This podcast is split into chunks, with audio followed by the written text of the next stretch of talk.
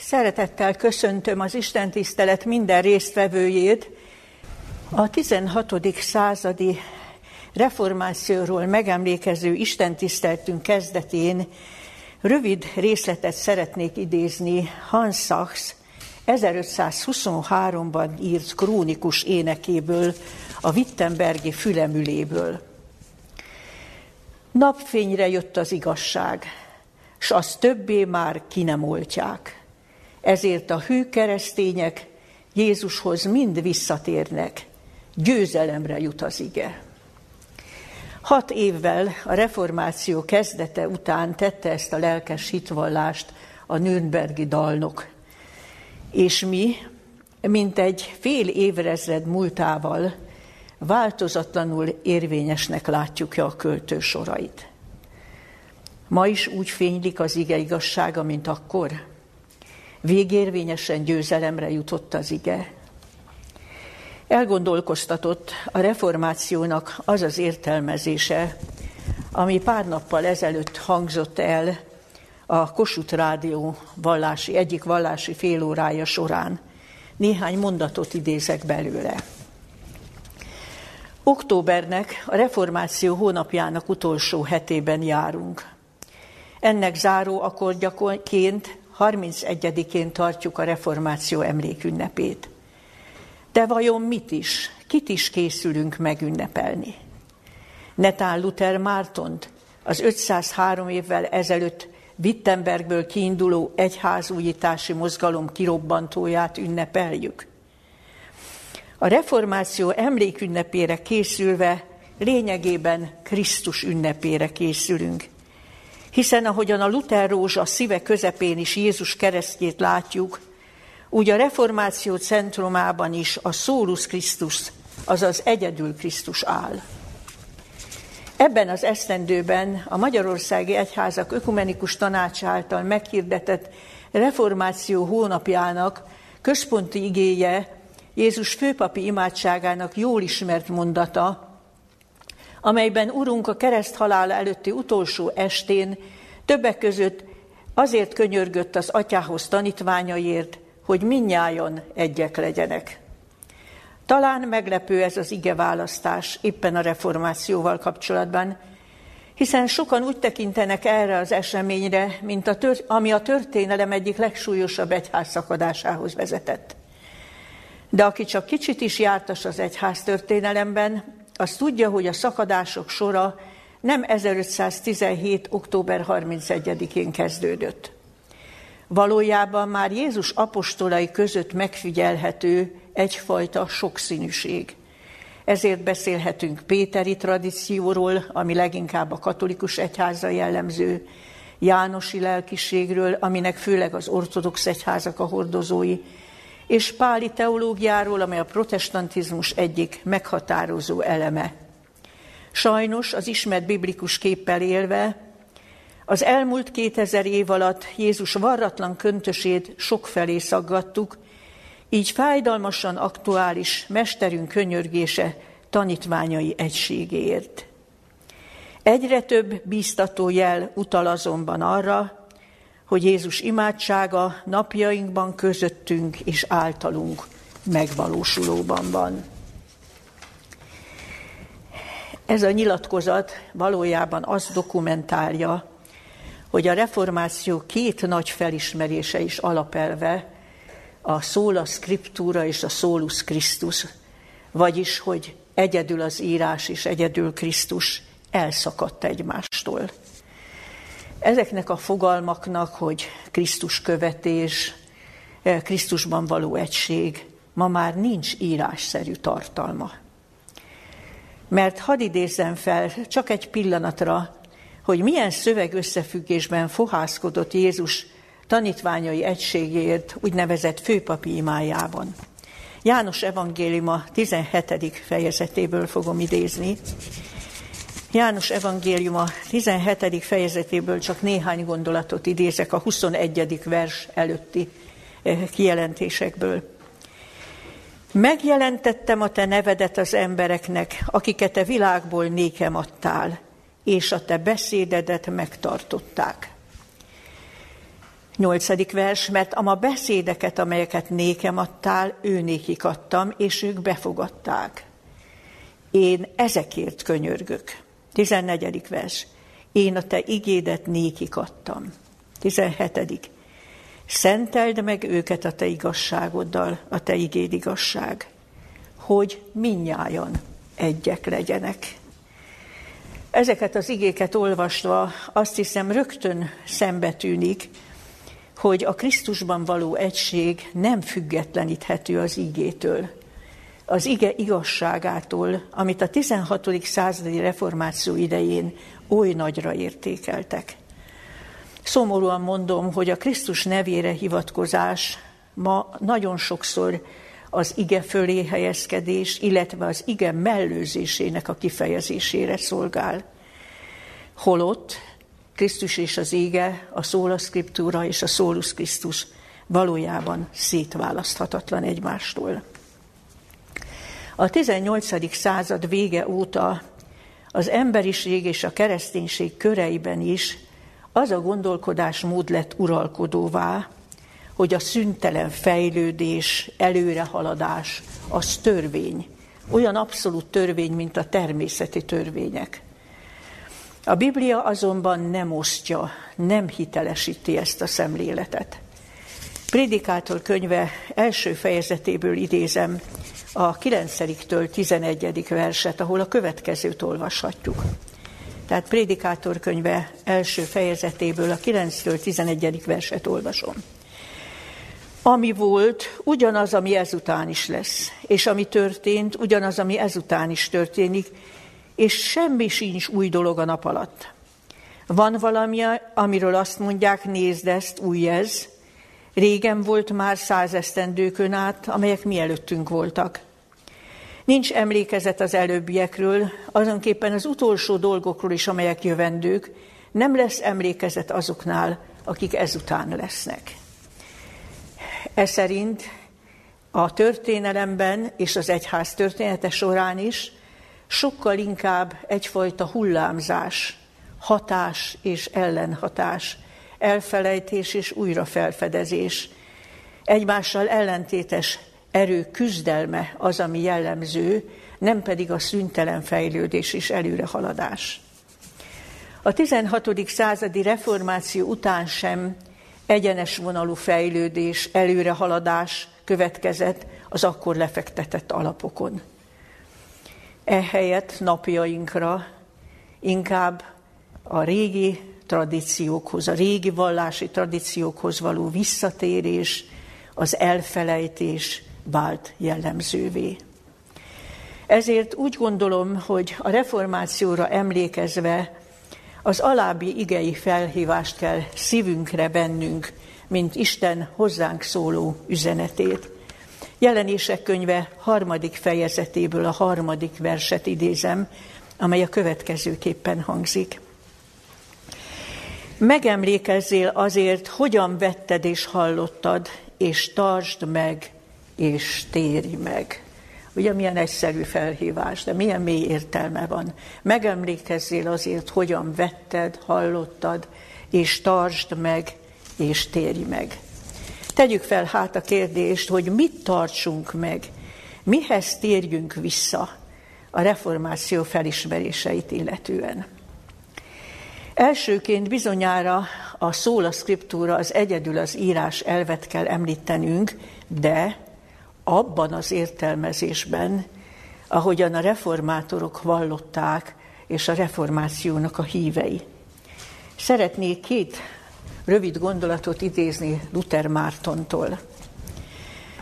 Az egyik így hangzik.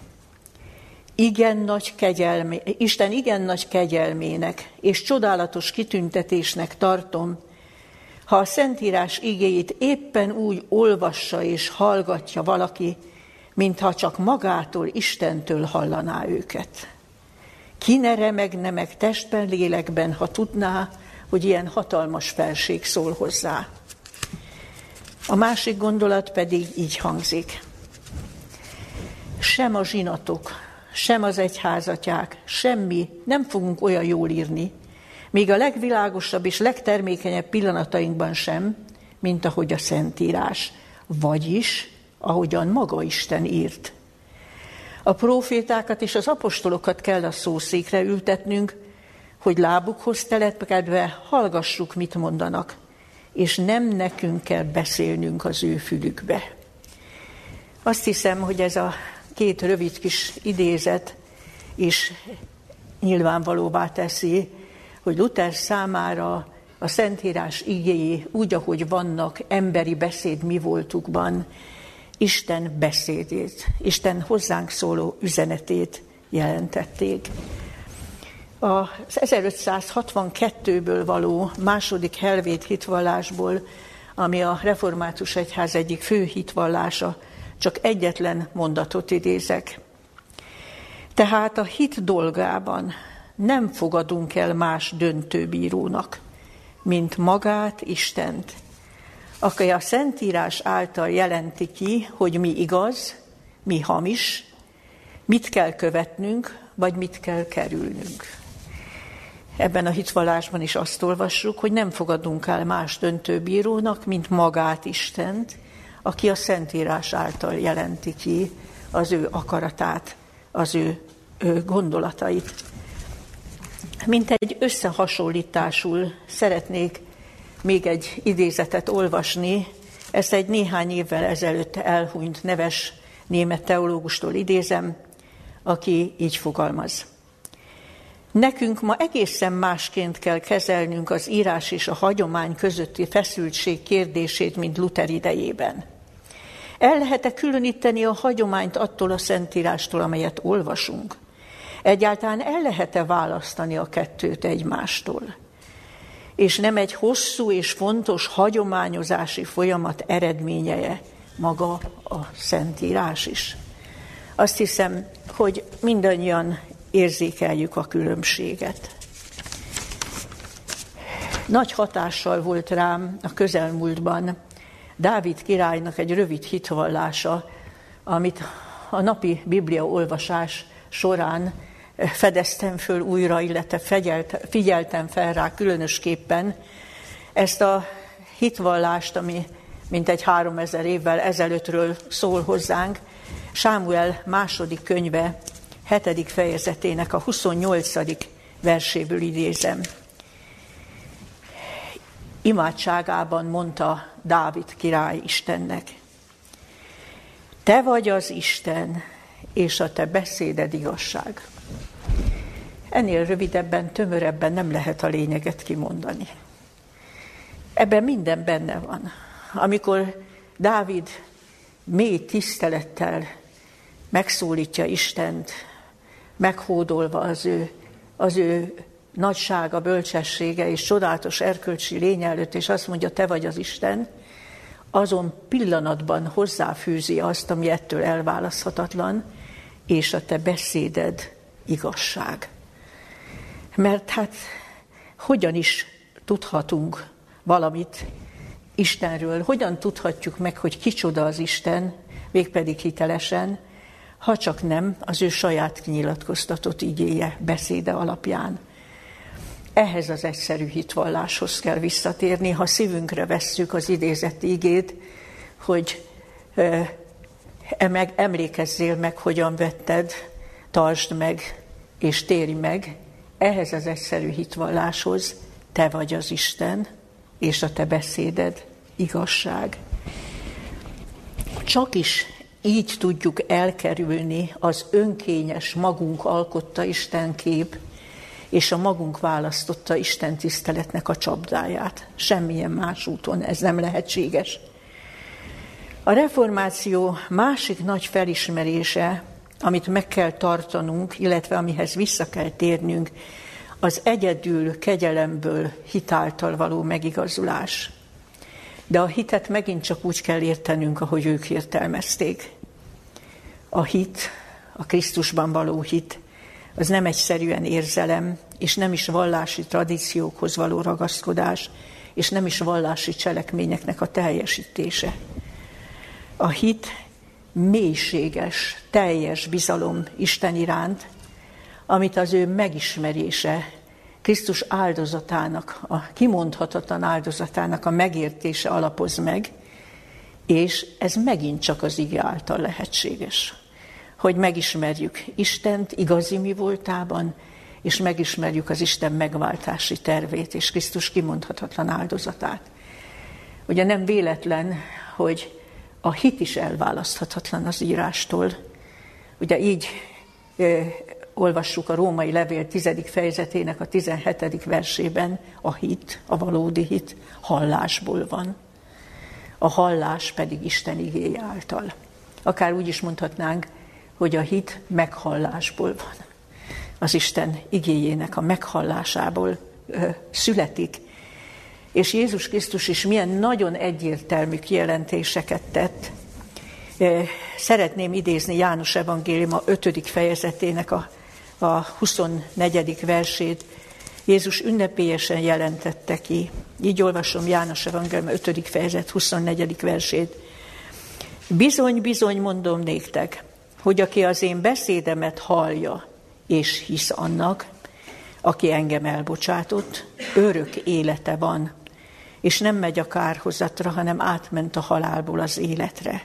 Tehát Jézus azt mondta, aki a beszédemet hallja, és hisz annak, aki engem elbocsátott. Egy másik hasonló nagysúlyú kijelentése János Evangélium a 8. fejezetében. Ebből idézem a következő igét, tehát János Evangélium a 8. fejezetéből. Így olvasom az 51. verset.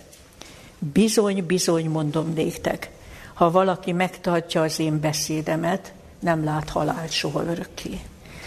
Tehát Jézus az örök életre vezető hitet, azt a hitet, aminek alapján ingyen kegyelemből megigazulást nyerhetünk, és annak nyomán örök életet, összekapcsolta szétválaszthatatlanul az ő beszédével, az ő igéjével. Azt mondhatjuk, hogy a valódi hit olyan mély bizalmat jelent Isten iránt, olyan meghódolást az ő csodálatos erkölcsi lénye és értünk hozott áldozata, eh, szeretete iránt, hogy a, az Isten iránti, a Krisztus iránti szeretet eh, legyőzi a nagy ént bennünk. Oda vezet, hogy az ember meghal az énnek, és a nagy énnek, ami minden bűnnek a, a gyökere és a kiinduló pontja, Krisztus foglalja el az ember életében. Ahogy Pál mondja a Galácia beliekhez írt levél második fejezetének a 20. versében, Krisztussal együtt megfeszítettem, amely életet pedig most testben élek, az Isten fiába vetett hitben élem, aki szeretett engem, és önmagát adta értem. Tehát Krisztussal együtt megfeszítettem, élek többé nem én, hanem él bennem a Krisztus, és amely életet most testben élek, az Isten fiában való hitben élem, aki szeretett engem, és önmagát adta érettem. Ma az ilyen hit rendkívül ritka. Ja, azt mondhatjuk, hogy helyette viszont nagyon felértékelődtek megint a vallási szertartások, az érzelmekre ható, szimbolikus vallásos cselekedetek, akár a színes papi ruhák, még a protestánsoknál is, akár a zarándoklatok, még a protestánsoknál is. És azt mondhatjuk, hogy ez tulajdonképpen nem más, mint a cselekedetekből való üdvösséghez való visszatérés, az igazi, valódi hit helyett, amit Krisztusnak, Istennek a megismerése szül meg az emberben, az ige hallása által. Ma nem az énnek való meghalás jellemző a kereszténységen belül, hanem inkább az énnek való udvarlás, és az énnek a kiszolgálása az általános korszellemnek megfelelően. És még valami van, ami nagyon hiányzik ma a 16. századi reformáció szellemiségéből az önálló gondolkodás, az önálló igekutatás, és az a bátorság, hogy az így nyert hitbeli meggyőződést emberi véleményektől függetlenül megvalljuk, képviseljük. Nagyon kevesen tartják magukat ahhoz az alapelvhez, amit Pálapostól így fogalmazott meg, a Galácia beliekhez írt levél első fejezetének a tizedik versét idézem. Bizonyára, ha még embereknek igyekeznék tetszeni, Krisztus szolgálja nem volnék. Ezzel annyira hálát adhatunk az apostolnak, hogy ezt így megfogalmazta. És boldog az a keresztény, aki ehhez tartja magát. Ő szabad lesz attól, hogy emberektől függjön. Bizonyára, ha még embereknek igyekeznék tetszeni, Krisztus szolgálja nem volnék. Az apostol úgy fogalmazta meg ezt, hogy a kettő kizárja egymást. És azt mondhatjuk, hogy valójában félelmetes az, hogy mi emberek mennyire tudunk hatni egymásra. Azt mondhatjuk, hogy a legtöbb ember emberkövető, irányzatkövető, személyes lelkismeti meggyőződés nélkül. És azok között is, akik eljutnak valamilyen személyes lelkismeti meggyőződésre, kevesen vannak, akiknek van erkölcsi bátorságuk, Istenbe vetett hitük ahhoz, hogy ezt emberi vélemények, elvárások ellenére is nyíltan, ez, szolidan, de határozottan és egyértelműen képviseljék.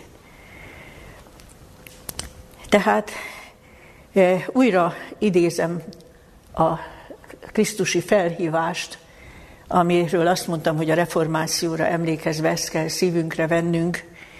Így olvastuk, azért emlékezzél meg, hogyan vetted. Ezek a reformátor elődök milyen felismeréseket vettek Istentől, milyen hitet nyertek Istentől, és tartsd meg, és térj meg, térjünk vissza ehhez. És akkor próbáljuk egy kicsit összegezni, hogy, hogy akkor mihez térjünk vissza, mit tartsunk meg. Ugye azt mondtuk, hogy legelőször is térjünk vissza ahhoz az egyszerű hitvalláshoz, ami már létezett a reformáció előtt, ők már csak újra felfedezték, amit három ezer évvel ezelőtt Dávid így fogalmazott meg, te vagy az Isten, és a te beszéded igazság. Mert ezt a kettőt nem lehet szétválasztani. Aztán a másik dolog, amihez térjünk vissza, az a valódi hit, az a megigazuláshoz és üdvösséghez vezető hit, ami nem egyszerűen felajzott érzelem, nem hangulat, nem vallási tradíciókhoz való ragaszkodás, nem vallási cselekedetek megvalósítása, hanem egy mélységes, abszolút bizalom Istenben, ami megszületik az emberben, Isten és a Krisztus, és a Krisztus megváltó áldozata megértése nyomán, az írás meghallása alapján az a hit, amely, amely, amelyben meghal az én, és elfoglalja a helyét Krisztus, mint akinek önbennek tartozunk az egész életünkkel, mint aki a mintánk, mint aki a példánk, mint aki inspirálja az egész életünket. És a harmadik dolog, amihez térjünk vissza, a reformátoroknak az a bátorsága, hogy ők eljutottak egy lelkismeti meggyőződésre, és az egész akkori világ ellenében, ugye Luther esetében nagyon jól tudjuk, az akkor még hatalmas és uralkodó egyház, és a császár, és a birodalmi gyűlés, és mindenki ellenében is ki tudta mondani azt, hogy ha meggyőznek a tévedésemről, akkor elállok. De más úton én ezt nem tudom feladni. A lelkismerti meggyőződéssel szemben én más tenni, vagy mást vallani nem tudok, nem szállok szembe a lelkismereti meggyőződésemmel, amire a Szentlélek elvezetett, és amely az íráshoz, az Isten igéjéhez kötődik. És most, amikor így összegeztük, hogy mi az, amihez térjünk vissza, amit tartsunk meg a reformáció felismeréseiből, szeretném még a a jelenések könyve harmadik fejezete, a harmadik verséből idézett igét tovább olvasni, ugyanis eddig csak a felhívás részt idéztem belőle, de most elolvasom jelenések könyve harmadik fejezete, harmadik versét teljes egészében. Megemlékezzél azért, hogyan vetted és hallottad, és tartsd meg, és télj meg. Hogyha tehát nem vigyázol, vagy hogyha pedig nem vigyázol, elmegyek hozzád, mint a tolvaj, és nem tudod, mely órában megyek hozzád. Ez tulajdonképpen egy félelmetes veszély, amit komolyan kell venni. Ha a keresztény hitünk elszakad az írástól, és a Krisztus nevét nem állítom, hogy szándékosan, de végül is egymást követve, vagy a, a trendeket követve arra használjuk, hogy, hogy elfedjük vele az írást, és elfelejtsük általa az írást, akkor nagyon könnyen bekövetkezik ez, hogy nem vesszük észre, hogy Krisztus megígért visszajövetele a küszöbön van. Én már a 2000. évfordulónál is nagyon meglepődtem, és el is szomorodtam. Hát ugye akkor nem tudom, ki emlékszik vissza, hogy hát mindenki azzal foglalkozott, hogy mit hoz az ezredforduló. Hát rengeteg cikk, írás, minden jelent meg, keresztények részéről is. Még egy külön kis kiadvány is megjelent itt Magyarországon is ilyen szímen, hogy a 2000. esztendő, és hát ebben a kiadványban csak egyet olvashattunk, hogy ünnepeljük Krisztus 2000. születésnapját. Tehát a 2000. év csak arról szólt, hogy most milyen nagy évforduló ez, hogy a, most tekintsünk el attól, hogy Jézus nem pontosan a, az időszámítás kezdetekor született, most nem ez a lényeg, de az a tény, hogy csak erre e, terelődött minden figyelem, hogy, hogy hát ekkora nevezetes évforduló, hogy Krisztus születésének 2000. évfordulója. És véletlenül se szólt meg egy olyan hang azon a háttéren, hogy már az ezredfordulóra Bibliától függetlenül, hittől függetlenül szakemberek, tudósok tömege mondta, az emberiség nagyon veszélyes pályára lépett. Ugye beszélt, kezdtek már beszélni a, a, a, a növekedés határairól. Már megszülettek ilyen megfogalmazások, hogy az emberiség a teljes pusztulás szédére sodorhatja magát. És micsoda felejtő képessége van az embernek és a kereszténységnek, hogy még ezen a háttéren se szólalt meg senki, hogy netán, tán, ezek nem annak a jelei, amiről Jézus beszélt, hogy az ő eljövetele előtti világ milyen lesz, és milyen előjelei lesznek az ő jövetelének. És most pedig itt van ez a világjárvány. Egy egyházi lapot, egy folyóiratot vettem a kézbe, és ott többen nyilatkoztak arról, hogy mire tanít ez a, mire akar Isten tanítani ezzel a járványjal. Két neves teológus is megszólalt. Az egyik azt mondta, hát arra biztosan nem, hogy világ vége pánikba essünk, és végén azt hozta ki, hogy a szolidaritásra, a felebaráti szeretetre akar tanítani. A másik megint csak azt mondta, hogy olyan óvatosan, finoman elhárította, hogy hát ezek olyan, olyan régi mitikus gondolatok, egész másról van itt szó, és összesen egy laikus keresztény az vetette fel a gondolatot, azt mondta, hogy ehhez még idő kell, de gondolkodni kéne rajta, hogy azért Jézus is beszélt járványokról az ő eljövetele előtt, hogy azért valahol ez nem lehet -e összefüggésben Jézus visszajövetelével. Tehát milyen döbbenetesen teljesedik az, amit ez az ige mond, hogyha pedig nem vigyázol, nem tartod meg, nem térsz vissza oda, akkor bekövetkezik a tragédia, hogy én majd megérkezem, mint a tolvaj, és nem tudod, hogy mely órában megyek hozzád. Én olyan sokszor hallom, így protestáns körökben is ezt az érvet, hát ez törvényszerű, hogy Jézus úgy jön, mint a tolvaj, ő mondta, tehát azzal nem is kell foglalkozni semmit, mert hát nem lehet róla tudni semmit. Ő maga mondta, hogy úgy jön, mint a tolvaj. Csak hogy milyen rövidlátóak vagyunk, és mennyire nem figyelünk oda. Mert az írásban azt olvasjuk, igen, a világ számára sajnos úgy fog jönni, mert olyan lesz, mint a Noé napjai, meg a Lót napjai, és az emberek egészen mással vannak elfoglalva. De elfeledkezünk arról, hogy azt olvassuk, hogy is olvassuk a Tesszalonikai első levél 5. fejezet 4. versében, mit ír Pál a hívőknek, a keresztényeknek. De ti atyám fiai, nem vagytok sötétségben, hogy az a nap tolvajmódra lephetne meg titeket. És maga Jézus Krisztus mit mondott?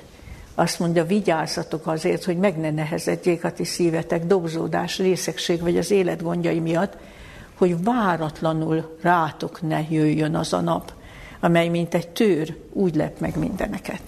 Tehát nehogy ezzel érveljünk, hogy hát ezzel ellen nincs mit tenni, hát ez törvényszerű, ezt maga Jézus mondta, hogy az, az, arról semmit nem tudunk, ő majd egyszer csak itt lesz meglepetésszerűen, mint a tolvaj.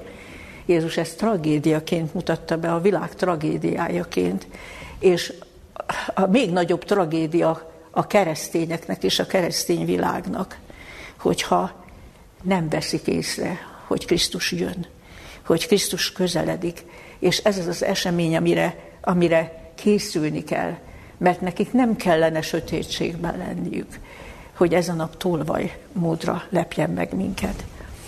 És mégsem kell elcsüggetnünk, mert ezek után már szinte elcsüggethetnénk, és azt mondhatnánk, olyan fájó szívvel olvassuk Hans Sachsnak a sorait, és azt mondjuk, hogy hát hol vagyunk ettől, hogy eh, a napfényre jött az igazság, és többé azt már ki nem oltják.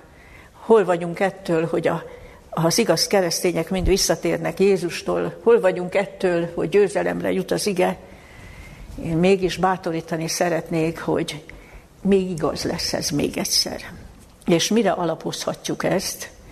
Először is magának Jézusnak a kijelentésére, aki azt mondta, Isten országának ez az evangéliuma, hirdettetik az egész földön minden népnek, és akkor jön el a vég. És ez annyira szilárd ez az ége, mert a Bibliában azt látjuk, hogy az Istennek a, az igazságos és kegyelmes erkölcsi lénye kívánja meg, hogy ő nem enged veszedelmet, tragikus veszedelmet, és embercsoportokra, vagy az egész világra, anélkül, hogy előbb lehetőséget ne adna a pozitív választásra, arra, hogy az ember elnyerje Isten oltalmát. És ugye milyen érdekes hangsúlyt kap a csak most elmondottak, az előzőkben elmondottak hátterén is Jézusnak ez a megfogalmazása, Isten országának ez az evangéliuma hirdettetik. Mert látjuk, hogy mennyi más evangélium létezik. Mennyi fajta más értelmezése létezik a kereszténységnek. És itt értjük meg igazán, hogy Jézus nagy hangsúlyjal mondta, ez az evangéliuma, amit ő tanított. A hiteles evangélium, az hirdettetik, és figyeljük, hogy mondja, az egész világon minden népnek. És ennek a párja, a jelenések könyve 14. fejezetének a hatodik versében az a kijelentés, ahol azt olvassuk, az örökkévaló evangélium. Hát itt se egyszerűen azt mondja az evangélium, hanem azt mondja az örökkévaló evangélium az, ami valóban Istentől származik, az, ami hiteles, az hirdettetik minden ágazatnak, nyelvnek és népnek a földön, mégpedig nagy szóval. Tehát, hogy mondjam, most lent vagyunk, de lesz még föl is. Még a hullámzásban most valahol a mélységben vagyunk, de fel kell jönni egy hullámhegynek, föl kell emelni minket magasra, mert ezeknek az igéknek be kell teljesedniük. Még sohasem volt olyan, hogy Isten szavából valami nem teljesedett. És akkor megint csak, még egyszer igaz lesz, amit Hans Sachs annak idején írt, és most hallgassuk így ilyen szemmel, hogy mint ami a jövőben be kell, hogy teljesedjék. Egyszer már meteljesedett, de újra be fog teljesedni. Napfényre jött az igazság, és azt többé már ki nem oltják. Most már nem lesz újra hullámhegy, mert Krisztus fog jönni. Ezért a hű keresztények Jézushoz mind visszatérnek, mind meg fogják hallani a hiteles evangélium által az Isten szavát, akik, akik az igazságból valók, ahogy Jézus mondta.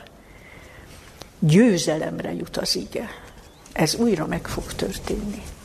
És ha mi szívünkre vesszük Jézus üzenetét, hogy emlékezzél meg, hogyan vetted, tartsd meg, és térj meg, akkor mi útkészítői leszünk annak, hogy ez újból beteljesedjék.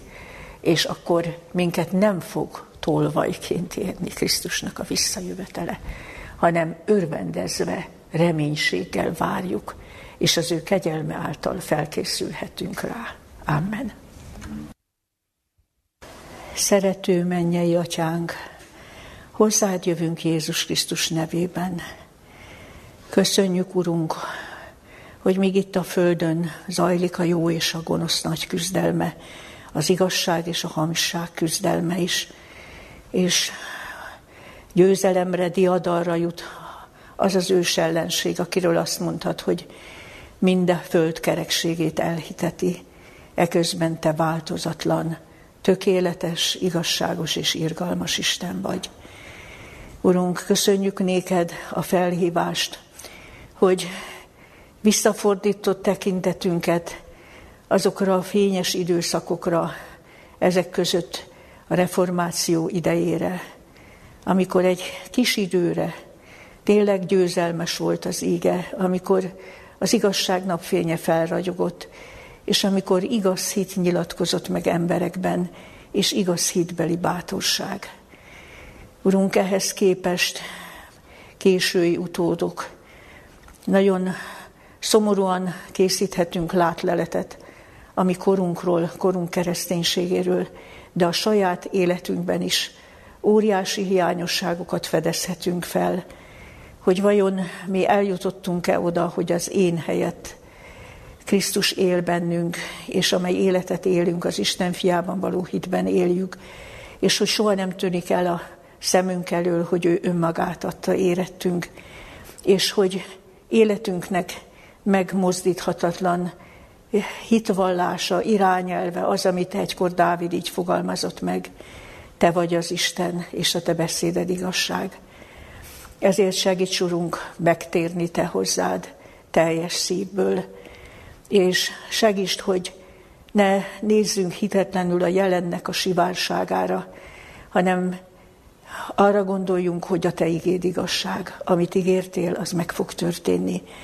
És add, Urunk, hogy mi útkészítői lehessünk annak a nagy ébredésnek, lelki megújulásnak és új reformációnak, amelynek a Te ígéreted szerint meg kell valósulnia. Erre az igazi egységre vágyakozunk, amikor az igaz keresztények mind visszatérnek Jézushoz. Urunk, kérünk, ad, hogy ennek bárcsak részesei lehetnénk, de mindenképpen köszönjük néked, hogy az ige világosságát nem lehetett teljesen kioltani, hogy az ige világossága ma is fellobban, és tudjuk, hogy majd be következni az is, hogy győzelemre jut. Kérünk, áldj meg minden jelenlévőt, maradjon a te békességed és szereteted mindannyiunkkal. Amen. Oh,